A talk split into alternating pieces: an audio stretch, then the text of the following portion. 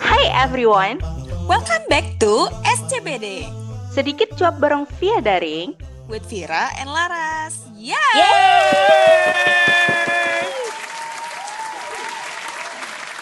Aku mau ngingetin lagi buat teman-teman yang memang harus keluar karena ngantor, patuhi protokol yang ada, pakai masker, bawa hand sanitizer, jarak-jarakan 1-2 meter. Lalu buat teman-teman yang memang udah enggak betah lagi di rumah, pengen hangout bareng sebentar, silakan. Tapi kalau bisa di rumah aja lah, nggak usah ke mana-mana kalau nggak penting gitu ya. Hai Ras, kita udah masuk episode 6 nih, udah nggak kerasa. Yep, Terus betul. hari ini kita topiknya mau agak deep sedikit gitu ya. Karena kita juga interested sama Ah, betul. human gitu. Kita mau bahas tentang anxiety dan stress gitu. agak berat nih, agak berat. Coba. Oke, sekali-sekali agak Iya, berat nggak apa-apa kali ya. Enggaknya ada yang fruitful lah gitu ya dari podcast kita. Lu pernah nggak sih merasa apa sih anxious atau bisa lead into stress gitu? Tipe orang yang gampang stres nggak sih Utuh? Em, kalau dibilang aku gampang stres sih Hmm. enggak ya. Karena aku keinget banget nih sama salah satu perkataan temenku. Dia tuh selalu mengatakan, Ras, aku aja stres loh ngerjain ini. Kok kamu bawaannya ketawa mulu sih? Ras, apa sih yang ada di otakmu? Aku kayak cuma ketawa doang gitu ngedengar perkataan dia gitu. Tapi kalau misalkan dikatakan anxious, em, itu kayaknya menurutku aku juga gampang-gampang anxious sih. Aku suka ngerasa sedih kalau nggak bisa menuhin ekspektasi orang lain gitu. Suka tuh ya kalau working in team gitu, kerja kelompok segala macam. Kayak sering overthinking aja gitu apa yang apa aku kebanyakan ngomong ya atau apa aku jarang ngomong atau Ya, ya, ya, ya. intonasi ngomongku tinggi banget nggak ya atau intonasinya sangat Mhm. judgmental gitu. Itu sih kepikirannya I see. gitu. Kalau kalau kamu gimana aku, nih? to be honest, aku tim anxious dan alhamdulillah nggak nggak easily into get stress gitu sih. Jadi kayak I got easily worried Hmm, gitu hmm. kan back then in my uni days dan kayaknya sempet tuh merasa tertekan juga like I've told you in my in our previous episode kan kalau aku tuh orangnya very organized Mhm. terus aku tuh benci gitu loh Hmm. kalau misalnya ada sesuatu yang nggak berjalan dengan apa yang sudah aku plan kan aku apa-apa aku plan gitu kan tapi kan ya namanya Ah, hidup ah, ah. kalau Tuhan bilang hmm not this time girl gitu kan Hmm? ya gimana gitu kan kita ah, cuma ah. makhluknya asik tapi ya em, alhamdulillahnya nggak sampai yang stres gitu sih apalagi aku tuh anaknya lumayan tempted juga gitu kalau bahasa anak sekarang BM gitu ya banyak mau pengen achieve ini pengen itu Iya, pengen ke sini oke. pengen itu pengen lakuin ini pengen lakuin itu. Cuma kayak nggak semuanya bisa ke achieve gitu kan banyak juga gagalnya gitu. Da eh, awal-awal itu Mhm, kayak pas aku uni days itu kayak em, contohnya misalnya aku lagi eh, ikut business case competition terus kayak oh gua nggak masuk tiga besar nih terus kayak yang sedihnya pas awal-awal banget tuh semester semester awal tuh kayak anjir gue emang sebego itu apa gitu loh Am- sampai sampai ke situ gitu loh kepikirannya gitu Oke. kan cuma makin Oke, ke sini ah. makin uh, I become a person with nothing to lose sih. Makin ke sini makin kayak yang if it works then good. Kalau enggak ya ya udah nggak apa-apa. Kayak move on aja gitu sih. Karena tuh eh, apa ya? eh, sering banget nih eh, aku dan teman-teman di luar sana yang ngerasain kayak kalau misalkan kayak percobaan pertama tuh langsung gagal terus kayak langsung kepikiran sampai berminggu-minggu iya. tuh. Tapi kayak semakin sering kita mengalami hal itu tuh kayak makin biasa aja gitu. Jadi kayaknya tuh pada intinya jam terbangnya Iya, sering-sering bener, deh ya kalau gagal tuh jam terbangnya diseringin aja nggak banyak apa-apa. kan orang yang kayak gini case-nya dia kayak nyoba sekali kayak contohnya eh, nyobain MUN sekali terus dia ngerasa kayak oh gue udah perform bagus tapi kok gue nggak dapet best delegates atau nggak dapet penghargaan apa apa terus dia jadi males buat ikutin hal itu gitu loh Padahal kan ya Hmm, maksud hmm, maksud kita hmm. kan ya kita mungkin baru sekali dan kita mungkin kita nggak bisa kasih parameter ke diri sendiri gitu nggak sih? Kayak eh gue udah perform well. Si- siapa tahu orang mikir kayak oh si ini lebih aktif si ini ada eh, plus negatifnya ini itu ini itu gitu kan. At the end of the day the judge is not us kan gitu loh. Mm-mm. Iya terus bener. Nih kan lagi pandemik nih sekarang ya kayak kayak masa-masa tersulit di kehidupan. Kayak jujur aku merasa ini masa masa-masa tersulit sih. Like everything is just fucked up gitu kan. Kayak I'm sure banyak banget plan-plan kita yang harus cancel terus kayak keadaan ekonomi juga lagi turning down. Like it's Hmm. harder to get a job gitu kan nowadays. Like company itu banyak banget yang lay off gitu Em, dirimu merasa clumsy nggak sih di enam bulan lima bulan belakangan ini pas pandemic Hmm. Iyalah, pastilah. Karena apa ya, paling paling kerasa tuh ini sih, nggak bisa ketemu Mhm. sama teman-teman. Itu aku agak Oh, sedih. sedih. Gimana ya? Silahkan Yang biasanya disampaikan halo-halo dulu kepada temannya yang Laras. yang biasanya tuh kalau balik ke kampung tuh pasti udah selalu bikin plan sama Mhm, teman-teman SMA. Kita ketemu ya di sini di sini atau enggak kita main ke mana gitu. Yang biasanya sering ngumpul, sering hangout, sering cerita-cerita bareng secara physically gitu kan. Sekarang jadi nggak bisa Mhm. ke mana-mana. Jadi kayak hmm, dibilang stres kayaknya nggak stres-stres Hmm, banget kenapa? sih.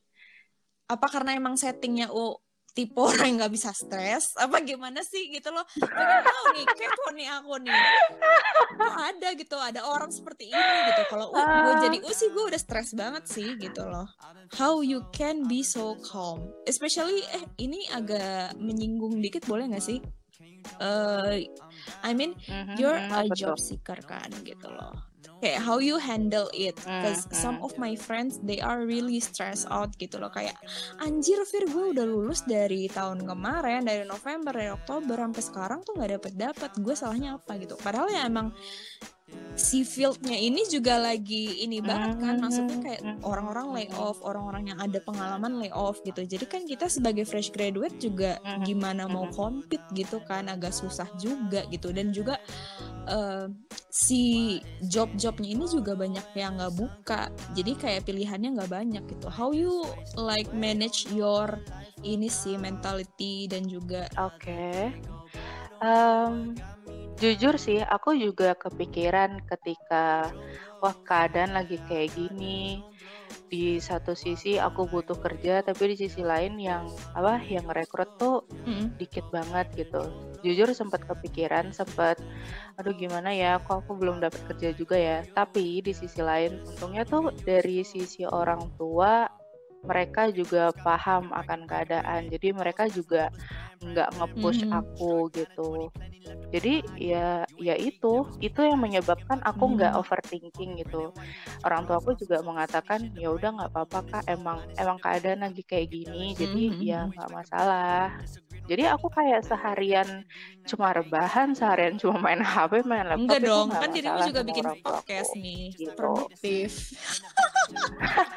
iya dong, Oh iya, iya iya kan sih benar. gitu.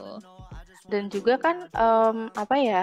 ka- karena aku juga menyadari di luar sana banyak yang layoff. Di satu sisi juga perusahaan belum ada eh, tidak begitu banyak yang merekrut. Ya pada akhirnya aku kayak suka itu sih eh, mindsetku kayak selalu aku set ya udah res nggak apa-apa mungkin mungkin Tuhan Iya sedang bener menyuruhmu untuk bener. istirahat mungkin Tuhan sedang menyuruhmu untuk eh apa sih mikirin lagi apa yang harus di ditata Mm-mm. ulang segala macam gitu karena eh, sis dari perspektif ini ya orang yang langsung alhamdulillah dapat kerjaan habis lulus itu aku tuh to be honest eh, I'm go with, eh, I'm going to- with the flow aja sih gitu loh kayak oh gue keterima ini nih ya udah gue ambil aja karena kesempatannya nggak datang dua kali dan mungkin gue suka. Aku kan orangnya kayak gitu ya. Mhm.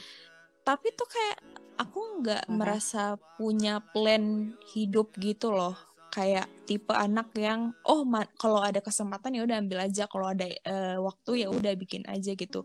Tapi kayak aku kayak semacam gak punya misi gitu loh. Apa yang bener-bener aku pengen pengenin gitu loh di hidup. Jadi hmm, kayak hmm, dan hmm, karena juga hektik ya kerjaannya, jadi kayak aku nggak ada waktu buat kontemplasi gitu loh sama diri sendiri gitu loh.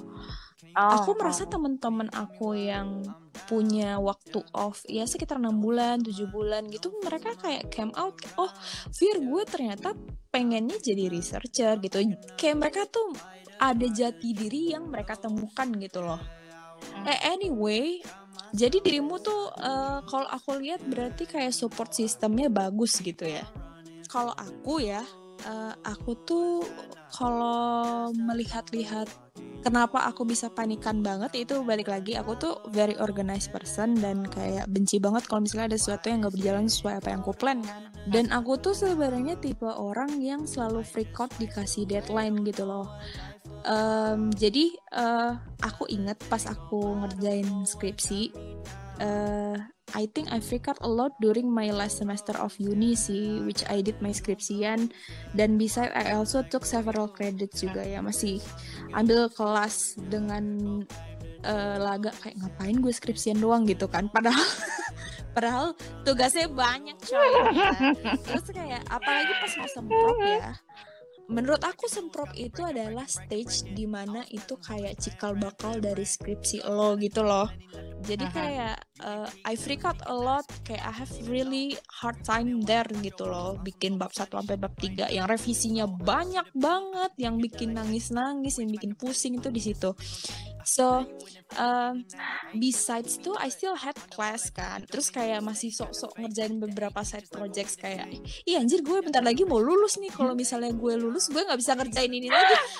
Udah bilang kan aku tuh tipenya BM banget gitu. Okay. terus ya udah gue coba ini coba itu. Selagi gue masih kuliah apa yang belum gue coba gue cobain semua gitu tapi kayak gue tuh jadi freak out gitu kayak ngerjain skripsinya nggak maksimal gitu loh di situ sih salahnya.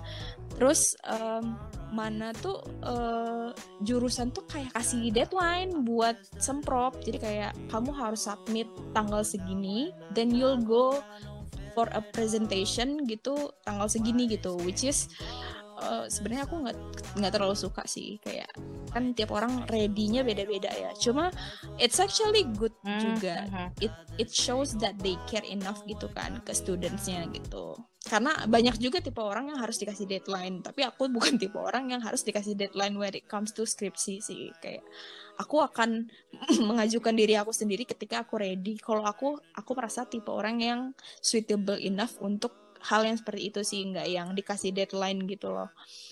Terus ya udah jadi aku tuh kayak yang oh my god itu kayak yang nggak tidur samsek tiga hari kayak uh, tertekan. Ya, karena kan aku ya gitu anaknya emang DM banget gitu kan. Jadi kayak aduh topik apa nih yang gue bener-bener passionate? Terus kayak eh ternyata bikin apa backgroundnya tidak segampang itu karena datanya susah misalnya gitu kan.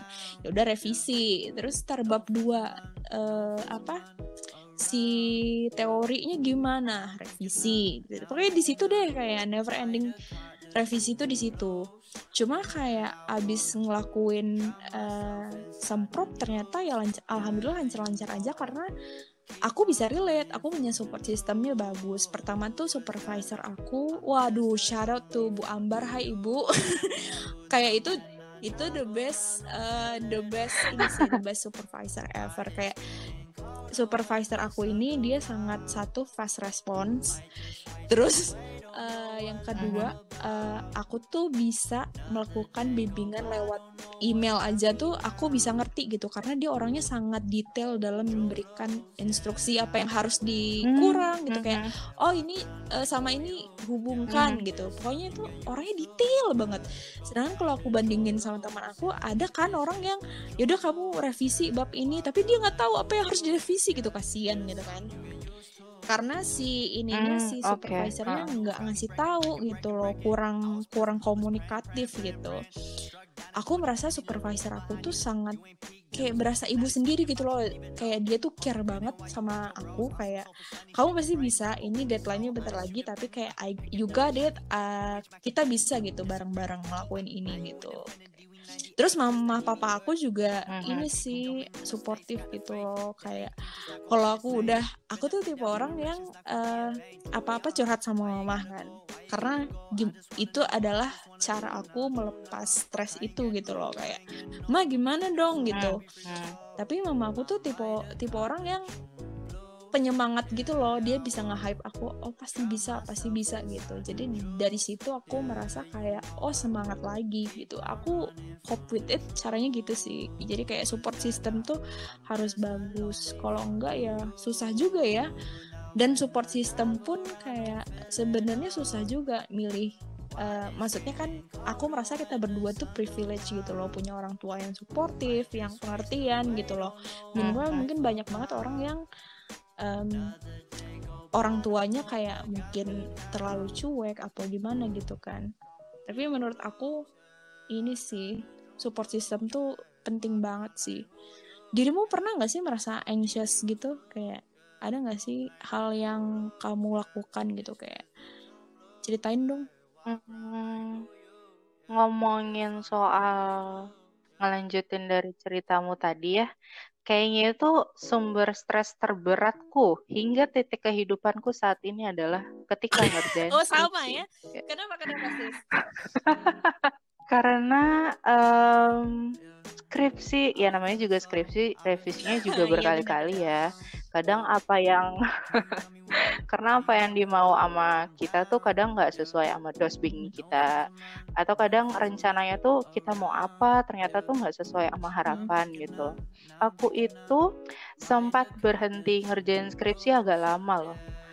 Kayak ada kali berbulan-bulan gitu. Karena di satu sisi aku stuck belum nemu ide baru gitu. Karena tiap revisian tuh kan kadang ada hal yang harus dibongkar pasang mm -hmm. gitu kan. Oh yang ini tuh enaknya obrolinnya di bab dua. Oh kalau yang ini tuh di bab satu aja. Kalau ini oh ini ini tuh nggak perlu di bab tiga. Jadi banyak banget yang dibongkar pasang. Terus yang di sisi lain jengah aja gitu. Ini kok revisinya iya, nggak yeah, yeah, kelar yeah. gitu. Jadi kayak ya udah niatnya mau rehat bentar gitu kan nyegerin pikiran sebentar eh malah keterusan aku pakai kerja gitu loh. Itu sering banget itu sering banget coy dan sebenarnya sebenarnya tuh kayak agak tricky ya. Kayak teman-teman aku tuh banyak yang kayak gitu kayak akhir hmm, gue off dulu deh dua minggu gitu. Terus dia jalan-jalan. Eh dia pulang jalan-jalan dia lupa isi skripsinya apa gitu. Iya kayak gitu. Tapi untungnya tuh um, untungnya aku kayak udah niatin oke okay, abis aku uh, magangku kelar aku langsung ngerjain lanjutin ngerjain hmm. skripsi dan kebetulan waktu itu dosenku juga hmm. langsung hubungin uh, gimana ras mau lanjut lagi hmm. yuk lanjut lagi yuk jadi di satu sisi tuh aku ada niatan untuk ngelanjutin dan alhamdulillah niatan itu langsung terlaksana di sisi lain tuh uh, dosbingku menurutku care banget sih. Dia mau nyariin aku. Eh ayo Ras kamu udah berapa lama? Nggak kerjain eh, jarang loh dosen kayak gitu. Padahal ya ketika itu ketika aku ngerjain skripsi kan aku dapat revisian banyak banget tuh dari ibunya.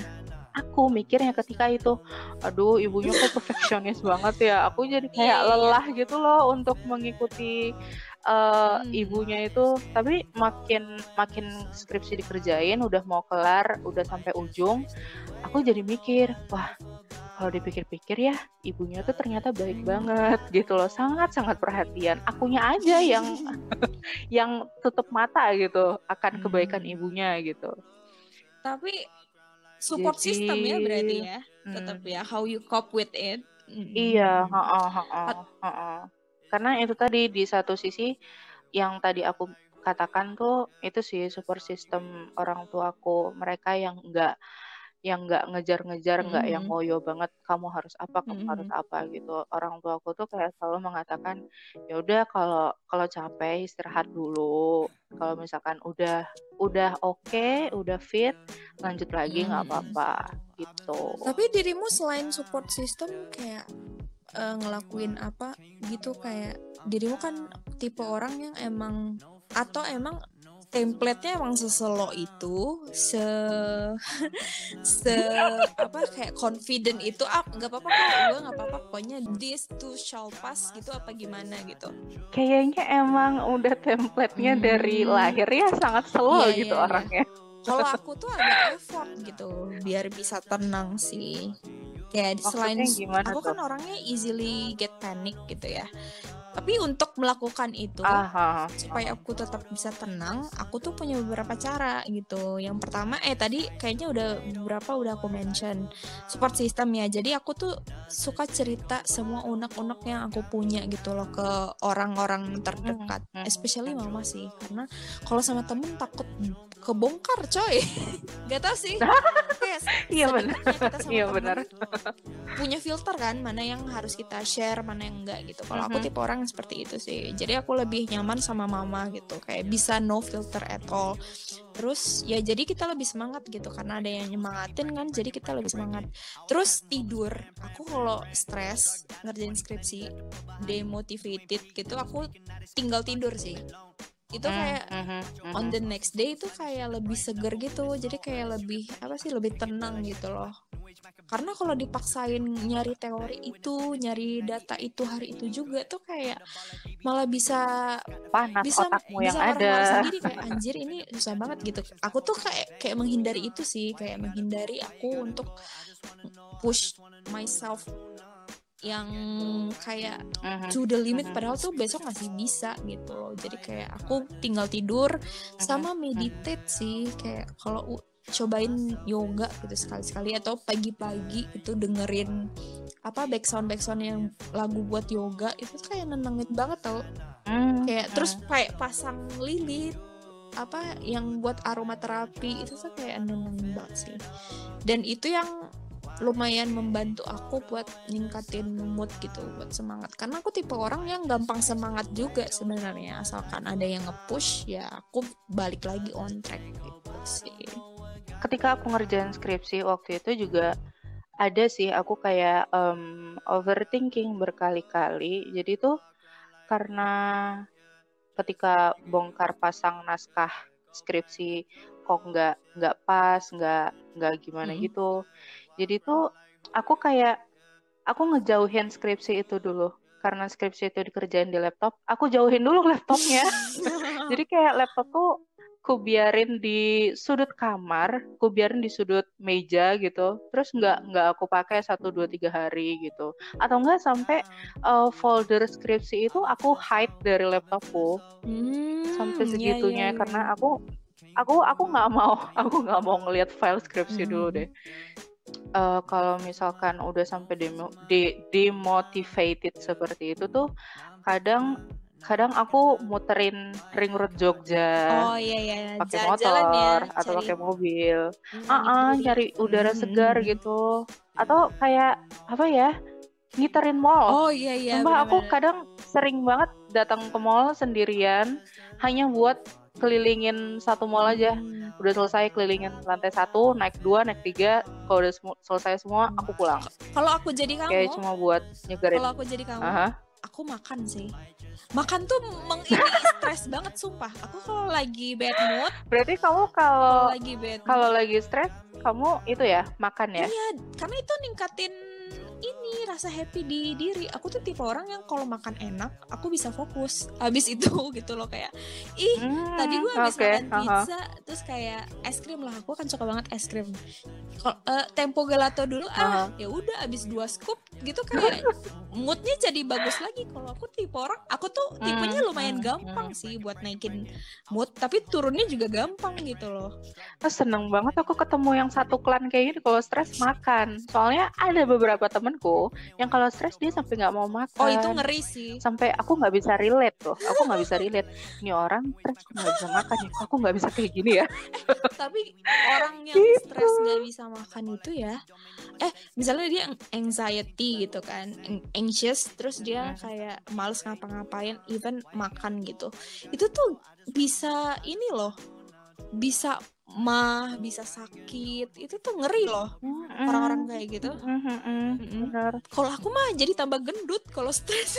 Karena karena aku main es krim gitu kan kayak oh my god I need es krim I need a- eh, abis ngerjain satu bab gitu kan. Kayak aduh stres abis stres. Kayaknya gue butuh reward gitu kan makan enak. Tipe orang kayak gitu aku tuh. Gampang untuk bahagia gampang juga untuk stres gitu. Ya udah, kita ngomongin stresnya nggak usah panjang-panjang. iya benar benar benar Sampai sini sampai dulu. sini dulu ya Ketemu minggu depan. Dadah. Bye.